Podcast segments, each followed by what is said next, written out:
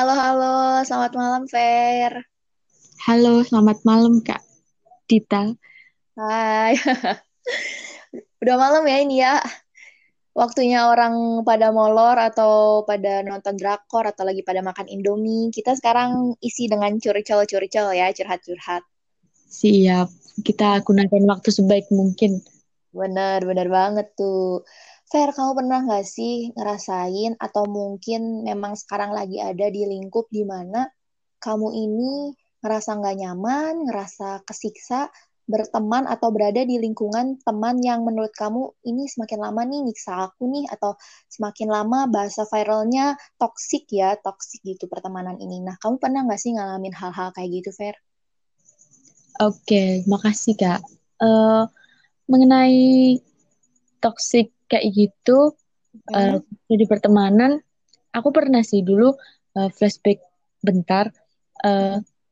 Jadi waktu aku kelas 6 SD waktu itu uh, aku punya geng nih bertiga. Nah, aku tiap hari ke mana-mana sama gengku itu. Jadi mau jajan, mau main, mau ke mana pun sampai tidur bareng juga di rumah kita gantian kayak gitu. Jadi kayak uh, ngerasanya kayak dunia milik kita bertiga kayak gitu. Jadi kita nggak istilahnya malah jadi nggak punya teman lain.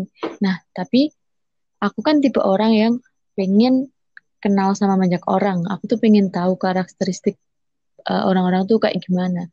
Uh, suatu waktu aku inget banget waktu itu aku uh, main sama temenku yang lain, sama temen kelasku yang lain. Nah, itu itu kan udah liburan selesai UN itu kan. Tiba-tiba besoknya itu aku didiemin sama temenku yang dua itu kan hmm. uh, sekali dua kali aku tuh nggak ngeh kenapa kok dia diemin aku uh, mungkin karena ada masalah lain ah, karena aku juga nggak tanya waktu itu terus uh, lambat laun semakin aku banyak main sama orang lain sama teman-teman yang lain tiba-tiba mereka kayak jenuh sendiri. Jadi kayak kok kamu tuh mainnya sama orang lain sih Fer? Kok kamu punya temen yang lain? Apa kamu juga curhat sama temen-temen teman-temanmu yang itu? Gitu. kayak uh, jadi uh, si temanku yang berdua ini posesif kayak gitu. Hmm. jadi uh, aku nggak boleh temenan sama yang lain selain sama mereka berdua. Nah uh, waktu itu kan waktu zaman zaman SD uh, mau SMP itu kan ya. belum ada uh, belum ngetren kan kak kata toksik kayak gitu hmm, tapi ya. merasa nggak nyaman sama uh, sikap mereka yang kayak gitu. Padahal kan kita punya hak kan buat berteman dengan siapa pun. Toh yep. banyak juga uh, orang yang di sana yang baik-baik yang uh, berbeda pandangan sama kita kan jadi kita kayak punya wawasan yang luas kayak gitu. Nah, uh, dari pelajaran itu aku kayak ngerasa aku nggak bisa nih sama temen kayak gini terus. Aku nggak bisa maju karena uh, kita harus cari ilmu atau cari apa pun lah dari berbagai hmm. karakteristik orang. Kalau aku lanjutin terus sama temanku, istilahnya ngelanjutin di sini kayak aku nurutin omongan mereka kalau aku nggak boleh temenan sama orang lain tuh nggak baik buat masa depanku masa depanku nanti. Jadi uh, aku coba ngobrol sama teman-temanku itu kayak kalau sebenarnya tuh uh, kita nggak baik kalau kita kayak gini. Karena kita juga menghambat uh, sosialisasi kita nanti ke depan. Waktu itu kan. Terus ya dengan bahasa-bahasa anak SMP kayak gitu sih kak sebenarnya. Tapi kalau sekarang aku baru sadar oh ternyata dulu aku pernah ngomong kayak gitu ya gitu jadi pernah aku ngalamin toksik kayak gitu dan itu terjadi selama dua tahun atau berapa gitu ya sampai aku kelas mau naik kelas 2 SMP kayak gitu. Hmm, lama ya, lama juga gitu. Karena... Emang sebenarnya mm, susah sih, Beb. Jadi kayak kita keluar di lingkungan atau di circle itu karena kayak lagi dan lagi misalnya kita mau lepas dari circle itu tapi kita tuh kayak gak bisa lepas gitu loh, gak bisa lepas sepenuhnya. Butuh keberanian, butuh ke kemauan yang kuat untuk bisa keluar dari circle kayak gitu ya nggak sih? Nah kalau Vero sendiri nih untuk keluar dari lingkungan yang nggak sehat kayak gitu tuh gimana sih Vero waktu itu kamu? Uh, waktu itu aku apa namanya? Jadi lebih ke ya udahlah, aku nggak bisa nih terus temenan dalam artian terus dekat sama mereka.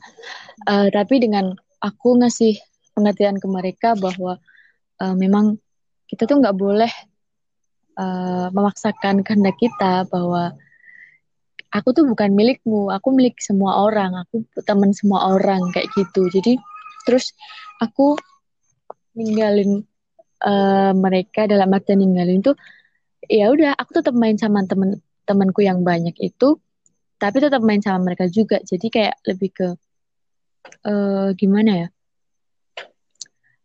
Ya gantian aja sih kak kayak gitu. Benar-benar banget fair aku juga pernah mengalami lingkungan-lingkungan toksik kayak gitu bahkan menurut aku masih ada aja sih orang-orang yang kayak gitu. Contohnya misalnya mereka tuh seakan-akan memberikan pujian memberikan reward ke kita. Misalnya kayak Edit kamu tuh cantik tapi di akhirnya tuh malah dikata-katain sesuatu yang emang gak layak untuk diomongin gitu. Atau memang kayak kesannya nih memuji tapi di belakangnya atau di akhirnya malah menjatuhkan. Misalnya kayak eh Dit kamu tuh cantik ya tapi sayang gendut. Coba kamu kurusin lagi deh. Atau Dit sayang kamu kurang tinggi dan segala macem ya. Yang sebenarnya itu mungkin dirasa kayak ah kalau kamu tersinggung baperan, baperan. Malah dibilang kayak gitu kan. Nah, padahal sebenarnya itu tuh bukan masalah baperan atau baperan, tapi sebenarnya itu kita berada di situasi di mana memang itu tuh lagi nggak sehat, itu pertemanan yang emang toksik gitu buat kita gitu. Buat apa kita ada di lingkungan seperti itu? Dan memang sih untuk lepas dari situ tuh butuh perjuangan ekstra banget gak sih, Fer? Bener banget. Jadi enggak eh, semata-mata kita langsung ya udah putus silaturahmi sama mereka Nah, itu nggak bisa terjadi. Hmm, benar-benar banget tuh, Fer. Nah, uh, kira-kira nih, menurut kamu, Fer, apa sih yang membuat kamu merasa ini kayaknya pertemanannya toksik deh? Menurut kamu ciri-cirinya apa aja sih itu? Uh, menurutku ciri-ciri toksik kayak gitu karena uh, beberapa kali ngalamin juga kayak hmm. yang pertama itu kayak mereka tuh uh, memaksakan kehendaknya jadi kita harus nurut sama mereka Contohnya kayak uh, kita kayak yang diomongin sama Kak Dita tadi, kita harus ikut standarnya mereka. Kalau kita nggak ikut standarnya mereka, kita nggak dianggap sebagai teman mereka kayak gitu. Jadi terus direndah-rendahin gitu. Yang kedua, uh, apa ya mungkin kayak lebih ke nggak support aja sih. Jadi tiap kali kita punya keputusan langsung dijudge langsung. Jadi mereka nggak ngasih saran, jadi malah ngejudge aja kayak gitu. Bener banget tuh. Terkadang yang kita butuhkan adalah support atau dukungan ketika kita memilih sesuatu, ya nggak sih? Ketika kita misalnya sudah memilih pilihan A, terkadang yang kita butuhkan adalah support, bukan malah seakan-akan menjudge atau menyalahkan pilihan kita. Dan akhirnya kita merasa jadi, oh kita salah nih, dan akhirnya kita malah menyalahkan diri sendiri malah berbuat yang enggak-enggak kayak gitu kan terkadang. Bener banget bener. Mm-mm, bener nih. Nah menurut kamu Fer gimana sih caranya kita membangun hubungan sehat yang setara di lingkungan pertemanan menurut kamu? Uh, menurutku caranya itu uh, kayak yang pertama kita harus jujur. Jadi di sini dalam artian uh, kita kan nggak mungkin tuh seterusnya mulus-mulus aja pertemanan kita. Pasti adalah beberapa konflik yang kita alami. Nah, hmm. uh, waktu kita di posisi semisal nih, aku lagi nggak suka nih kayak Dita kayak gitu. Nah, coba jujur aja langsung ngomong. Jadi kita nggak ngomongin di belakang atau malah kita uh, ngomong ke orang lain uh, bahwa teman kita tuh kayak gini kayak gini. Coba langsung ngomong ke orangnya aja bahwa kak aku nggak suka kamu kayak gitu menurutku kayak gini kayak gini, kayak gini lebih baik kamu kayak gini kayak gini. Jadi lebih ke ngomong terus kita hmm. menyarankan apa yang menurut kita itu tapi kita juga harus legowo ketika kita tem saran kita juga nggak diterima nggak dilakukan sama teman kita itu. Benar. Yang kedua benar banget. yang kedua menurutku itu uh, tetap saling menghargai sih. Jadi uh, di mana pun sama siapa pun kita menjalin relasi ya uh, kita uh. menghargai kayak yang dia men kayak Dita tadi kita misal kita dipuji tapi sebenarnya kita tuh kayak di uh, direndahkan kayak di ejek kayak gitu ya, ya. sebenarnya nggak boleh sebenarnya kan kita nggak bisa menuntut semua orang harus sama-sama kayak kita jadi kita hmm. menghargai apa yang mereka miliki menghargai apa yang mereka uh, putuskan kayak gitu sih menurut kak. Aku kalau aku cukup dua itu sama uh, lebih ke ya udahlah daripada kita uh, daripada kita memaksakan kehendak ya kita jalan sesuai keputusan kita aja sesuai pandangan kita aja. Kayak gitu sih mungkin kak. Benar-benar banget beb. Kalau aku sih lebih ke prinsip di mana kalau kita misalnya membangun suatu hubungan sama orang, entah itu pertemanankah, percintaankah, keluarga, atau di lingkungan kerja, atau di lingkungan mana pun, kita harus punya prinsip namanya kita juga. Jadi kita juga itu semacam gini. Misalnya kita ingin didengarkan sama orang lain. Ya otomatis kita juga harus mendengarkan orang lain. Gak bisa serta-merta kita cuman hanya ingin didengarkan pendapatnya, keinginannya, tapi nggak mau mendengarkan orang. Karena sebenarnya pertemanan, hubungan apa pun itu membutuhkan feedback gitu. Jadi nggak semuanya hanya terfokus di satu pihak, di mana satu pihak nanti kesannya mendominasi. Nah, nggak kayak gitu. Tapi kita tuh harus sama-sama gitu, saling-saling jadi jangan sampailah ada hal-hal di mana nanti salah satu pihaknya malah merasa superior. Jadi kalau aku sih lebih kayak prinsip kita juga gitu.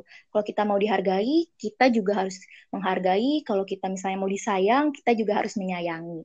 Kalau aku sih kayak gitu, Beb. Bener, setuju banget sih, Kak. Jadi kayak, hmm, ya kita istilahnya saling setara kayak uh, ini kan setara kayak gitu. Jadi tapi di sisi lain kita juga nggak boleh le berekspektasi lebih bahwa kita harus diperlakukan seperti itu. Hmm. karena nanti ujungnya bakalan kita uh, kecewa sih. Misal aku uh, baik sama Kak Dita nih. Semua tak lakuin semua Kak Dita yang uh, diajak main ayo diajak gini-gini ayo. Tapi ketika di suatu waktu uh, Kak Dita nggak bisa, hmm. juga nggak boleh memaksakan bahwa harus nurutin kita terus. Jadi kita nggak boleh berekspektasi lebih bahwa teman kita juga harus baik balik baik ke kita gitu sih. Tapi setuju banget kita harus melakukan uh, apa yang pengen kita alami kayak gitu. Iya, bener banget ya, Beb. Kita juga harus ngebangun iklim yang sehat, kultur yang sehat di mana iklim ini saling support, saling menghargai, saling menghormati pilihan masing-masing tanpa memaksa. Kita bisa memberikan opsi, tapi tidak dengan memberikan pilihan yang memaksa, kayak gitu kan ya? Bener banget, setuju kak. Iya bener, ini menurut aku nih versi aku. Nah, kalau menurut teman-teman yang lain, boleh misalnya pengen juga sharing-sharing ke Vero sama ke aku, nanti kita terbuka banget ya Beb ya buat sharing-sharing permasalahan pertemanan, iya nggak? Betul banget, kita 24 jam. iya bener-bener 24 jam terbuka banget ya. Um, ngantuk nih, kamu gimana? Udah ngantuk belum? Ah, udah nih, besok mau lanjut kuliah besok pagi. Iya, sama aku pun mau kuliah besok. Oke deh teman-teman, kita mau lanjut dulu aktivitas dan juga mau tidur ya terutama. Fer, ada yang mau kamu sampaikan nggak? Uh, mungkin closing statement aja sih. Jadi, oke. Okay. Ketika kita mau uh, memiliki circle atau lingkungan yang setara, sehat tanpa kekerasan dengan teman kita, jangan lupa kita saling menghargai sama teman kita, jangan lupa kita saling terutama kita harus saling mendoakan biar uh, secara psikologis kita juga lebih dekat sama teman kita.